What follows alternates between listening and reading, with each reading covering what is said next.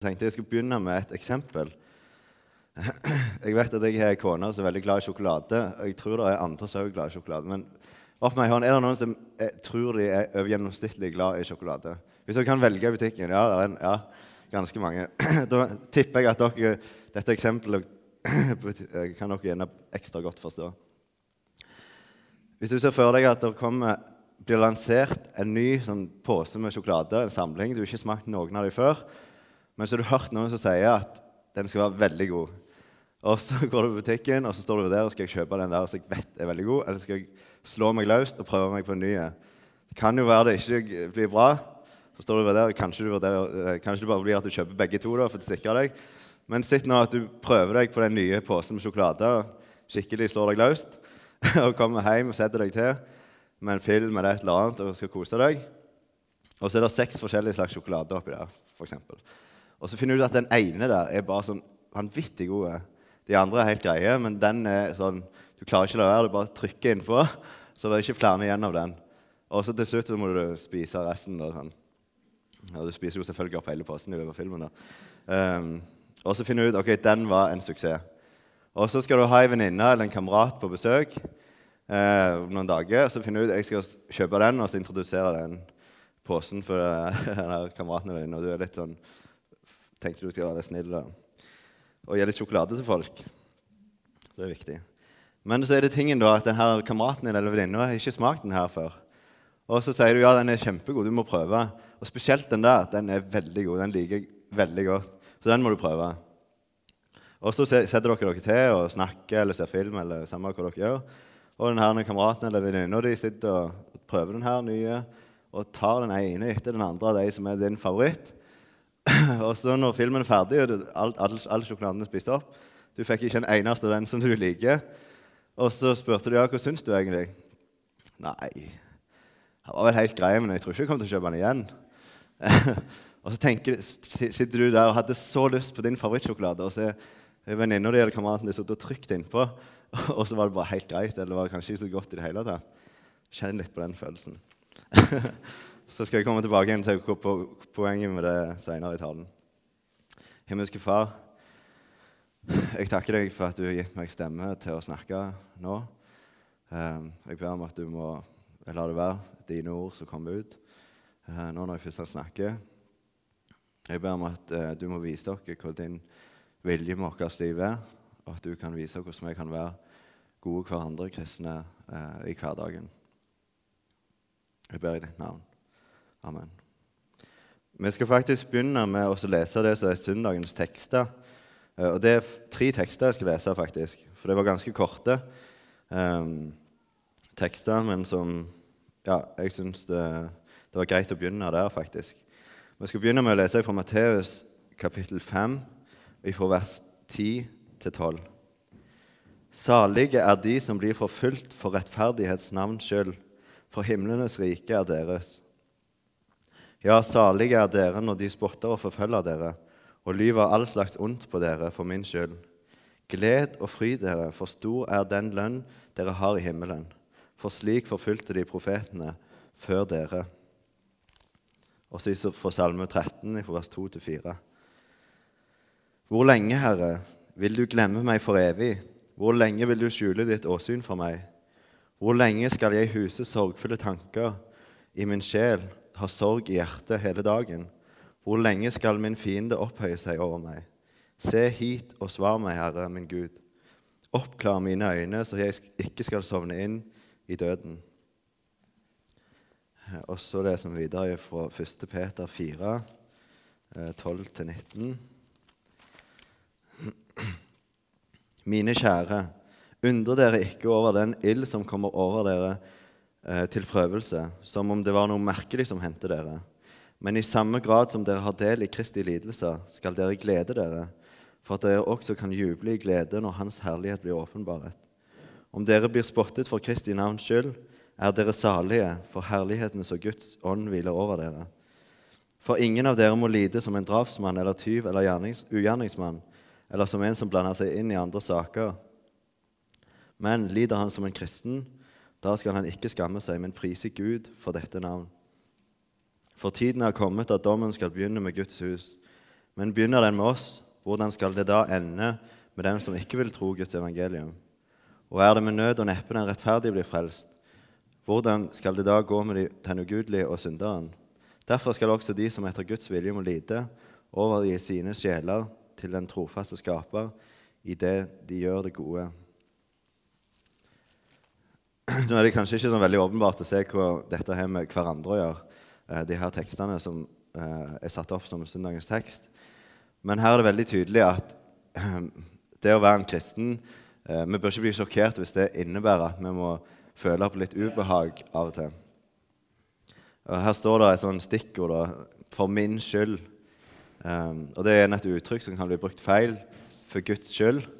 Men her så er det altså det som virkelig ligger i det ordet, for Guds skyld. Um, ja. Og så er det sånn at um, på jobben min uh, der er det sånn at pleier, Hver høst så pleier de ansette ganske mange nye, for det er ganske store turnover på jobb. Mange som slutter og går videre i andre jobber. Uh, og Det er lagt litt opp til det. Og da er det sånn at Når det kommer en hel bolk med nye som begynner på høsten, så det, merker vi at de leser veldig hvordan vi som andre som jobber der, oppfører oss, hvordan vi, ja, vi gjør, hvordan vi gjør jobben. Og så setter vi på en måte standarden for hvordan de kommer til å bli litt. Selvfølgelig er det jo, De klarer å tenke litt sjøl men, men, det er litt sånn det er i bedrifter. Med bedriftskultur at vi, vi, vi leser hverandre. Um, og så har vi forbilder. sånn. Og så er det noen som setter standarden.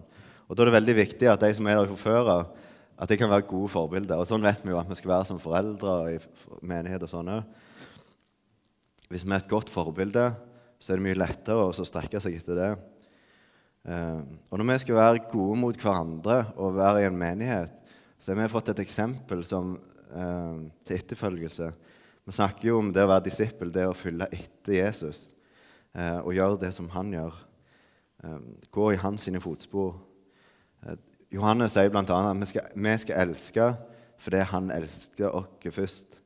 Det begynner alltid med, med, Gud og den han er, og det han har gjort for meg og deg. Um, og det, vikt, det som er litt poenget mitt i dag, da, at når vi skal tenke på hvordan vi kan være gode hverandre kristne, så må vi begynne med, vi, med hvem vi skal følge etter, og hvem som har satt standarden for det vi skal gjøre. Og så hva er det som gir oss den eh, energien eller viljen eh, og ønsket til å faktisk gjøre det, og ikke bare la det bli med tanken. Og alt det starter med Gud og Jesus. Først er vi nødt til sjøl å bli møtt eh, av Gud med den kjærligheten han har til oss. Og først må, vi oppleve at han har tjent oss. Eh, og når vi ser det, så er det mye lettere å gå videre og videre, eh, gjøre det samme mot andre.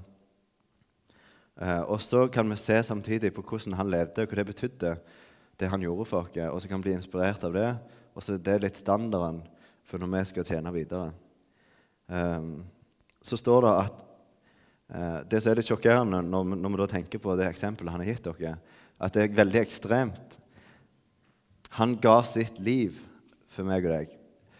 Og det er sånn som jeg har hørt mange ganger, vi som har lest litt og gått på møter og sånn, at Jesus ga sitt liv for meg, og det er litt en sånn helt grei ting. Eh, akkurat bensinprisen på mandag. liksom. Eller Du vet at den skifter litt. og Det kan være møte, møte klokka 11 på søndag, og da får vi høre at Jesus ga sitt liv for meg. og ja, det er flott, det må vi tenke over, og så blir det ikke noe mer. Men hvis vi tenker på at det å tjene hverandre Hvis jeg skulle gitt litt, mitt liv for Arnt Ove eller for Elisabeth eller for hvem det måtte være her inne, så er det plutselig veldig drastisk. For meg, ikke minst, for jeg mister jo livet mitt. Men så kan du tenke for kona mi og for uh, ungen min, uh, for um, familien min osv. Og så, sier, så står det i Bibelen at Jesus ga sitt liv for oss, og så skylder også vi å gi livet vårt for hverandre. Og Da merker du at standarden er sett veldig høyt. Um, og Da er det tilbake igjen litt til denne sjokoladen. som inn, og Den er jo veldig helt annet nivå. Men det er til å få fram at av og til når vi gjør eh, en god tjeneste for andre, så blir det kanskje ikke mottatt sånn som jeg skulle ønske.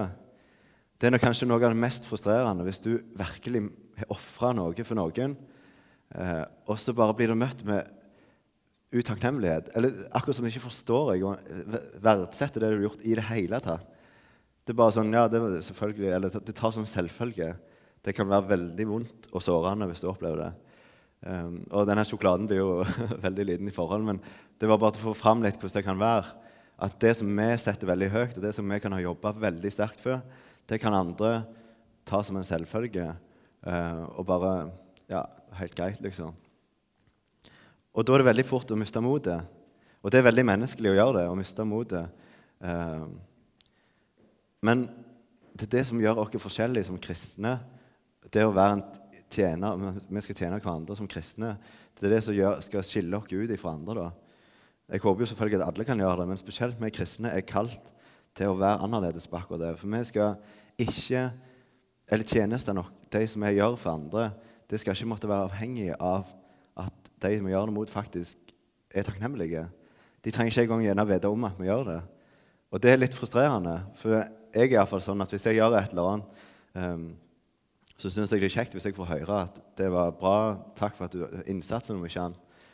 Men, men, vi skal faktisk klare å strekke oss mot å leve sånne liv der vi finner inspirasjonen til å være gode mot andre en annen plass enn i responsen hos de som mottar eh, det vi gjør. Og det er en utfordring. For, eh, som sagt, for jeg kjenner det sjøl, jeg vil tro at mange av oss andre er sånn. At vi, vi, vi, trenger å høre at vi er gode. Og det er en ting som vi kan faktisk bli gode på. Det er en av de praktiske tingene som er nokså lett å gjennomføre, kanskje. Så jeg vil utfordre hver enkelt her inne. Og det er til å heie hverandre fram. For det er veld, veldig viktig at vi gjør det. Men samtidig så er det viktig at vi ikke gjør oss avhengige av nettopp det. Det er litt sånn merkelig å tenke på akkurat det, for det høres litt motstridende ut. Men altså, jeg ønsker at vi i Misjonssalen skal være kjent for at vi heier hverandre fram. At vi sier takk for at du gidder å sende opp bibelversene her for i dag. Eller lyden til Kristian, eller Hilde som leder møtet, eller bare dere som kommer. Så kjekt at dere kom her i dag, for det betyr en forskjell for meg. Um, jeg vet flere i Misjonssalen som har, der noen sånne små ord har blitt sagt, positive ord, som blir huska gjerne tre-fire år etterpå, og som kanskje har varma mye mer enn det den personen som sa det, vet om. Og, det, og jeg tror, nei, De vet, vet, ikke om det. Jeg vet flere uh, sånne episoder. Og Det er så godt å vite at det er sånn i misjonssalen, at det er noen som er veldig gode til det. Og så kan vi alle strekke oss til å bli bedre etter det. Også samtidig skal vi ikke gjøre oss avhengige av det når vi er gode mot hverandre. Det, det, er litt vanskelig. Men vi skal ha Gud, Jesus, som forbilde. Eh, og han ga sitt liv for meg. Jeg må si det mange ganger, for vi må prøve å forstå hva det faktisk vil si. Eh, jeg tror at det fins en himmel, og jeg tror at jeg skal få lov å oppleve den en dag. Og Den eneste grunnen til at jeg får oppleve det en dag, det er fordi at Jesus valgte å dø for meg. Og han gjorde det uansett hvor min respons ville være. Om jeg ville ta imot og tro på det, eller om jeg ville bare si ja, fint at du gadd å gjøre det, så gjorde han det fortsatt. Om jeg nekter å tro på det, så gjorde han det fortsatt. Han gjorde det helt ubetinget. Ga sitt liv for at hver eneste en som vil ta imot det, kan få lov til å gjøre det. Og Det er en enorm inspirasjon å tenke på akkurat det. Og Det gjør at vi lettere igjen kan eh, strekke oss noen hakk lenger i tjeneste for andre. Og så hørte jeg at um, Arnfinn Jeg fikk ikke med meg det møtet han var, for da var vi på tur med med søndagsskolen. Arnfinn Røyland han snakket litt om noen av de tingene som jeg hadde tenkt å snakke litt om. Og det, det effekten av det å gå på møte Nei, ikke gå på møte på besøk. Um, for det er en kjempeviktig ting når vi skal være hverandre kristne. Det at vi trør ned dørene hos hverandre, eller åpner opp dørene. Selvfølgelig ikke skal vi plage folk, men vi kan iallfall være på tilbudssida. For det er noe med det at hvis jeg skal kunne hjelpe noen av dere som er her inne, så er jeg nødt til å vite hva dere trenger hjelp til. Og vi i Norge er jo kjent for å være litt kalde og litt sånn Ja, det går fint med meg, og så må du gjerne spørre ti ganger og ha kjent hverandre i 20 år før du virkelig våger å si enda litt. Eh, og jeg tror ikke jeg kan fikse på det akkurat her og nå, men jeg tror at vi kan bruke de relasjonene vi allerede har, til andre i misjonssalen. Enten i smågrupper eller tjenestegrupper eller bare sånn som du kjenner fra før av. Til å for, Si f.eks. jeg hadde hatt et eller annet som jeg trengte hjelp til. Det kunne være enten i ekteskapet, det kunne være helt praktiske ting, eller sykdom eller sånn. Så syns jeg det er vanskelig å spørre om hjelp. Men sett at da jeg og Arnt Ove hadde et veldig tett forhold, så kjente han igjen meg såpass godt at han visste at jeg trengte hjelp. Men han, han, hadde ikke anledning til å hjelpe meg, så kunne han gjerne være den som spurte videre og sa at du, Helge, har et problem nå eller trenger hjelp til det, og det er det noen som kan være med og hjelpe. Jeg har ikke anledning selv. Og Sånn er det gjerne litt lettere hvis vi kan knytte sånne bånd og hjelpe hverandre til å, å, se hvor behovet er, og hvem som har anledning. Um, jeg satt lenge og tenkte på dette. Hvordan kan vi bli gode til dette? Og jeg tror kanskje det kan være en løsning. Jeg vet at Fredheim jeg tror det er Fredheim som har lagd en sånn liste der de skriver opp hva folk trenger av ting. Det kan være tjenester praktiske ting, om det er klær eller sånne ting òg. Og så prøver de å ha en liste der folk har Hvis det er noen som har en leilighet, eller hvis det er noen som har tid på en torsdag til å hjelpe med et eller annet, og så prøver de å finne sånne band, knytte bånd mellom de som trenger, og de som har. Og så kan det være på begge sidene, selvfølgelig. Jeg vet ikke om det er den beste måten å gjøre det på. Det kan godt hende det hadde fungert. Men jeg tror i første omgang vi kan tenke at dette halve året så skal vi bli bedre på å eh, hjelpe hverandre og våge å spørre om hjelp. For det er mange ganger der problemet ligger, at vi ikke våger oss å gi uttrykk for den hjelpen vi trenger. Og da går det på det med, med stoltheten. For det, det, det, føles ikke godt å måtte kanskje innrømme at ikke alt er som det skulle, og at du ikke strekker til. og sånn. Men da er vi bare nødt til å legge det til side. Det er veldig lett sagt, men ikke så veldig lett gjort. Men, men vi er nødt til å prøve å gjøre det. Og når vi skal hjelpe på andre sida, så er vi nødt til å, å, bli litt sånn at vi ikke bryr oss så veldig mye om Tenk hvis de ikke trenger hjelp. Tenk hvis de syns det er dumt. Tenk, det er så mange sånne ting som er, kan komme i veien. Men det å være på tilbudssida De kan si nei hvis det ikke passer. De kan si nei hvis de ikke har lyst på hjelp av meg. Eller. Vi må være villige til å eh, være litt utenfor komfortsonen. Og så håper vi at vi kan bli kjent for at vi, vi er godt knytta sammen, og vi støtter hverandre når det, når det trengs. Og så satt jeg og tenkte hva, behov er det egentlig vi har i misjonshallen? Og så var det det snakket om det med barnevakt. Jeg har heldig en bror som bor rett i nabolaget, så jeg kan plage litt. Og vi har foreldre rett i området. Og så vet jeg det er andre som ikke er det. Eh, men dere som ikke er i den eh, småbarnsfasen, dere har andre behov og andre muligheter. Vi har, som er unge, har gjerne litt mer energi. Eller det kan være Og jeg, jeg tror ikke jeg kan stå her og lage en liste over ting, men vi er nødt til å eh, hjelpe hverandre til å se behovene. Og Det er derfor jeg mener det er så viktig at vi kan eh, legge stolthet til side og så kan være åpne om for Hvis det er noen som er litt alene og syns det er kjekt å bare truffes, så kan vi prøve å snappe det opp og så sende det videre til noen som kanskje har litt tid. Um, ja. um, vi kan heie hverandre fram. Og så vil jeg minne enda en gang til om at når vi da gjør det, så må vi huske at vi gjør det ikke for å få anerkjennelse, og vi vil gjøre det på tross av at de gjerne ikke blir godt tatt imot, det, eller du merker ikke den takknemligheten som vi gjerne skulle ønske. Eh, og så gjør vi det for Guds skyld. Eh, det er på grunn av Han ga sitt liv for meg. Derfor kan jeg gå rundt og så eh, gi litt av mitt liv til andre. Det er et eksempel som jeg alltid pleier å bruke og komme tilbake igjen når jeg eh, taler. Og det er det at Jesus sier at han skal bli i oss som en kilde som velger fram til evig liv. Eh, og det syns jeg er veldig lett å forstå, akkurat det eksempelet. For hjemme eh, på gården til far så er det en sånn kilde midt i ei bratt mark. Så det grenser ikke ned til elva, den, den marka der. Så i utgangspunktet er ikke sauene noen plass å gå for vann. Men under en stein så kommer det alltid vann opp. Så vi grover ut litt sånn at det er nok til at sauen kan gå og drikke. Og uansett hvor tort det er, så kommer det vann fram der. Eh, og det er jo veldig praktisk for far, for da slipper han å gå og bære vann til sauene. Men det er et veldig godt eksempel på hva det vil si at Jesus vil bli i oss som en kilde som velger fram til evig liv. Det er en sånn en som uansett hvor tort det er rundt meg, og uansett hvor strevsomt jeg føler den tjenesten jeg står i, eh, eller livet generelt, hvis det bytter imot det, så vil han være i meg som en sånn en kilde som, som stadig velger fram, og som gir liv i meg, og som hjelper meg fram mot den veien som eh, leder til himmelen. Eh, og jeg tror det er veldig viktig at vi eh, Det er en av de tingene jeg tenkte på at vi kanskje også kan hjelpe hverandre til. For jeg, jeg har vært mange ganger der at jeg ikke kjenner så veldig mye til den der kilden. Jeg føler den kanskje har vært litt vekke. Og da tror jeg at kanskje det er en av de viktigste plassene vi kan starte når vi skal hjelpe hverandre. Det er at Hvis vi kjenner på at den der inspirasjonen, den, den, kilden som Jesus har planta i oss Hvis vi ikke kjenner den lenger, eller føler vi mister den av syne um, Så det er kanskje det vi trenger å spørre om hjelp til først. Og det er kanskje det som er skumlest å gjøre. Um, det som går på trua. Hvordan har jeg det med, med trua? Er det bare blitt noe som, som du kjenner, uh, vet i teorien, og alle andre ser ut til å ha forstått, men ikke jeg? Uh, har Jesus blitt i deg en, en kilde som velger fram til evig liv, og som kan gi deg styrke til å klare hverdagen og til å gå rundt og være gode mot andre helt ubetinget fordi han har elsket meg først og gitt sitt liv for meg. Utrolig viktig at vi starter med det, tenker jeg.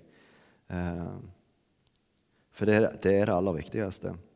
Og når vi kjenner at vi kommer til kort, enten på det eller på, på det der eh, Kanskje ikke vi, vi føler vi har gjort så veldig mye for noen andre det siste tida, vi har hatt nok med andre ting, så er det så viktig å huske at det ikke er det, som, det, er ikke det det handler om når vi snakker om frelse.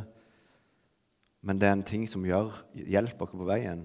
For i det vi lever ut livet som Jesus har kalt dere til, da kjenner vi at vi får styrke. Jeg tenkte på det i dag når jeg våkna opp og ikke kunne si et eneste ord. Jonathan forsto ingenting. Men um, da tenkte jeg at det var gjerne et tegn til meg at, at det ikke er mine ord jeg skal stå og si her i dag. Det, jeg er helt avhengig av at Jesus skal snakke gjennom meg for at det skal gi liv. Um, og sånn er det når vi, skal, når vi skal gå rundt og være hender, øyne og føtter for andre. Uh, så er vi avhengig av at det er Jesus som får gjøre den gjerningen i oss. Når vi er svake, da er han sterk. Og Det er det som er så flott med, med, med Jesus. At om vi kjenner på svakhet, så, så, kommer han inn og er styrken. Um, det er han som gir oss uh, frimodighet og grunn til å, å, å møte dagen med smil og med Mm, eh, med forventning eh, til hvordan vi vil møte dere. Og så er det en Nå vet jeg, jeg har ikke fulgt med på tida nå, så dere får bare skrike ut hvis det blir litt for lenge her. Stemmen holdt iallfall litt. Men Kolosserne 4, ifra vers 12, så står det Nei, skal vi se 3 ifra vers 12. Så står det Dere er Guds utvalgte, hellige og elskede. Ikler dere da inderlig barmhjertighet, godhet, ydmykhet, sakkmodighet og tålmodighet, så dere tåler hverandre og tilgir hverandre dersom en skulle ha noe å anklage en annen for. Like som Kristus har tilgitt dere, skal også dere tilgi hverandre. Men over alt dette ikler dere kjærligheten, som er fullkommenhetens sambånd. Og Det ordet som jeg vil ta ut herfra, det var det å ikle dere ydmykhet. For det er alltid en utfordring at hvis vi skal hjelpe noen, så er det fort å bli litt sånn at nå er jeg den sterke som hjelper her. Og Da er det så viktig å kunne være ydmyke og ha den i oss at grunnen til at jeg hjelper nå, det er for at jeg sjøl har trengt å bli hjulpen. Altså, Praktisk talt så bærer Jesus meg inn i himmelen. Det vet jeg sjøl at jeg trenger, for jeg er helt håpløs egentlig som kristen. Men, men pga. Jesus så, så, blir jeg båren hjem. Og Derfor kan jeg gå rundt og hjelpe andre. Eh, og vi vet sjøl hvordan det kan være hvis vi opplever at noen er litt hovmodige. For eksempel, hvis du, noen av oss er veldig glad i å vinne spill, f.eks. Og da kan noen av oss bli veldig dårlige så, vinnere. Sånn, ah, du ikke. Sånn, så blir vi litt sånn plagsomme. Og det er helt greit på spill, kanskje. Men, men, når vi skal hjelpe andre, så er det viktig at vi kan ha en ydmykhet som, som gjør at det er lett eh, å be om hjelp igjen, og ikke oppleve at du blir sånn Og nå er jeg den stakkaren som trenger hjelp. For vi er alle stakkare, samtidig som vi er helt unike skapninger, skapt i Guds bilde, um, som Han har gitt sitt liv for. Um, jeg, hørte det var, det var, en som skrev en liten uh, andakt i utsyn.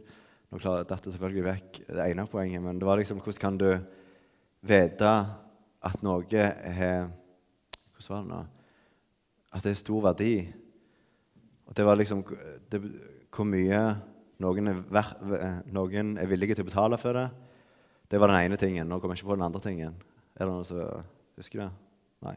Men det ene var iallfall det hvor mye noen er villige til å betale for det. Sånn er det jo. Vi har prøvd å selge huset, leiligheten. Det er ingen som er villig til å betale det vi vil ha for den ennå. Uh, så derfor vet jeg litt hva det er.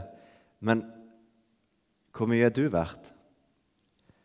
Hvor mye er det noen, eh, noen som er villige til å betale for deg? Jesus betalte med sitt eget liv. Og det setter litt perspektiv på din verdi. Eh, og òg verdien til deg som du kan gå og være en hverandre kristen for. Og Det er noe som jeg ikke vet om jeg har snakket om her før, men um, jeg har oppdaget litt når Jesus snakker om det å være neste, være, hvem er vår neste, så skal vi snu litt på den og ikke tenke hvem er, hvem er det som er vår neste, men vi kan tenke hvem er det jeg kan være neste for? Og Det siste jeg vil si før jeg går og setter meg, er at eh, akkurat det med at vi skal gå rundt og tjene hverandre, det går som en rød tråd gjennom hele Bibelen. Hvis vi begynner med, med budene som Moses fikk, så ser vi at de tre første de handler om forholdet mellom Gud og menneskene. Vi skal elske Gud av hele vårt hjerte. Og så får han fram at han er en hellig Gud som vi skal ha respekt for. Vi skal frykte og elske. Vi skal ha respekt for at Gud er den som har all makt i himmel og på jord. Um, og så skal vi elske han. Og så Resten av budene handler om hvordan vi skal være med hverandre. Uh, vi skal ikke stjele fra hverandre, vi skal ikke begjære fra hverandre, vi skal ikke lyge om hverandre osv. Uh, og så bekrefter Jesus det å si at det er i grunnen to store bud. Det ene er at du skal elske Gud, og så skal du elske din neste som deg sjøl. Og da husker jeg, da vil jeg anbefale bare til slutt uh, en tale som ligger ute av Kjell Arvid Nilsen, ikke han heter jo, som handler om det at når vi skal elske vår neste som oss sjøl, så er det veldig viktig at vi faktisk elsker oss sjøl først. Og Det hadde han en veldig bra tale om, som jeg har hørt flere ganger. Viktigheten av at vi ser verdien i oss sjøl. For det er så viktig. når Vi, vi må elske oss sjøl for å kunne elske vår neste. Så kan vi bare be og takke til slutt. Himmelske Far, jeg takker deg for at du har elsket oss først. At du har gitt ditt liv for meg, um, uavhengig av om jeg vil ta imot det eller ikke så ga du ditt liv og ga meg dermed muligheten til et evig liv i himmelen hos deg. Jeg takker deg for at du har sett et eksempel, at du bærer meg på veien hjem til himmelen. Og så takker jeg for at du òg gir meg muligheten til å være en disippel i hverdagen. Jeg ber om at du må vise meg og alle de som er her, hvordan du ville levd livet hvis du var i vår posisjon i Sandnes eller der vi bor, på jobben, i familien, blant venner osv. Jeg ber om at du må vise oss hvor du ville sett spor, føttene dine hen, og hendene dine, og hjelpe oss til å se det og følge etter. Uh, hjelp oss til å være tålmodige med hverandre, ydmyke, og at vi kan legge stoltheten til side og så våge å si hvis det er ting som, som vi trenger hjelp til. Uh, hjelp oss i Misjonssalen til å bli en hverandre-menighet som, som, uh, som kan fungere som et lys i sannhet. Og at vi ikke kan bare bli oss sjøl nok, men at vi òg kan dele videre med de som er utenfor menigheten òg. Um, at vi kan gjøre det på grunn av at du elsker oss først. Jeg ber i ditt navn. Amen.